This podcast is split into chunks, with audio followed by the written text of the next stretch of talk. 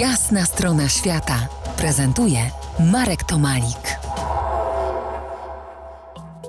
Zaczęliśmy naszą rozmowę od psa, który jeździł pociągiem. Lampo był sprytny, radził sobie sam. E, powiedz, jak opiekun powinien sobie radzić ze swoim psim pupilem właśnie. No, zacznijmy w pociągu. Um, nie wiem, czy masz coś konkretnego na myśli. No tak, no gdzie on ma siedzieć? A, w tym sensie. Więc jeśli e, chcielibyśmy się e, wybrać z psem w podróż pociągiem, to przede wszystkim trzeba się zorientować, jakie są aktualne zasady przewożenia tego psa. Należy przeczytać regulamin i zapoznać się tak po prostu z regulaminem przewoźnika, ponieważ w niektórych kolejach pies e, nie może jeździć w ogóle, ale to są wyjątki w Polsce. W większości, u większości przewodników możemy zabrać ze sobą psa. Na pewno oczywiście musi być on na smyczy i w kagańcu i u niektórych przewodników dodatkowo należy wykupić bilet. I jeśli chodzi o to, gdzie przewozić psa, jak przewozić psa, no to ja zawsze stosuję taką zasadę, że robię, robię tak, że gdyby ktoś inny robił to samo, to ja nie miałabym do niego o to pretensji, czyli po prostu nie utrudniam ludziom życia. Dobrze, a powiedz, jak sobie radzisz podróży z pociągiem z trzema psami? Pytam, bo podobno jedna osoba dorosła może przewozić y, jednego w klatce, drugiego na smyczy, a co z tym trzecim?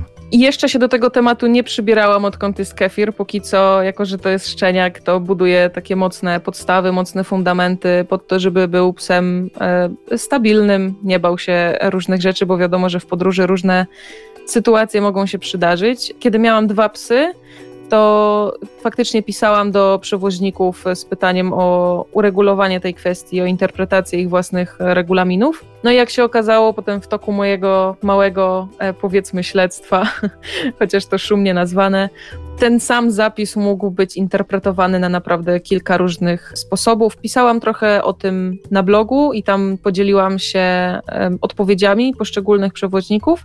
Więc jeśli ktoś jest ciekaw, e, jak to jest w kolei na przykład regionalnej z jego regionu, to zapraszam. Jeszcze jedno pytanie, które zachęci nas do wędrówki w górach, bo wiem, że, wiem, że te z psami najbardziej lubisz. E, pies e, woli ruch lewo czy prawostronny? Oczywiście w sensie spaceru koło człowieka. O kurczę, nie mam pojęcia. To wydaje mi się A, zależy piszesz od... o tym w książce. Z lewej strony chodzi czy z prawej strony chodzi? Ciebie?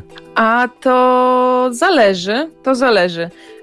Tak ogólnie rzecz biorąc, to, to bardzo zależy od po prostu indywidualnych preferencji, predyspozycji takich motorycznych psa, tak samo jak my. E, no jest to jednak żywy organizm, czysta biologia, więc e, tak jak niektórzy ludzie są lewo czy praworęczni, taki pies bywa troszkę lepiej lewo czy prawoskrętny. Moje psy nie mają takich preferencji, wydaje mi się. To znaczy, są nauczone chodzenia przede wszystkim przede mną, przynajmniej Crackers. Kefir jeszcze nie, no bo tutaj zupełnie poznajemy dopiero szerokie wody oceanu. A Phoebe, jeśli nie idzie za Crackersem, czyli z przodu, to zazwyczaj idzie obok mnie albo wlecze się za mną, ale z racji wieku wybaczmy jej już.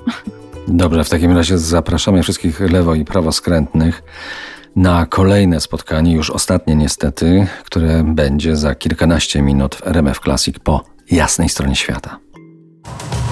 To jest jasna strona świata w RMF Classic.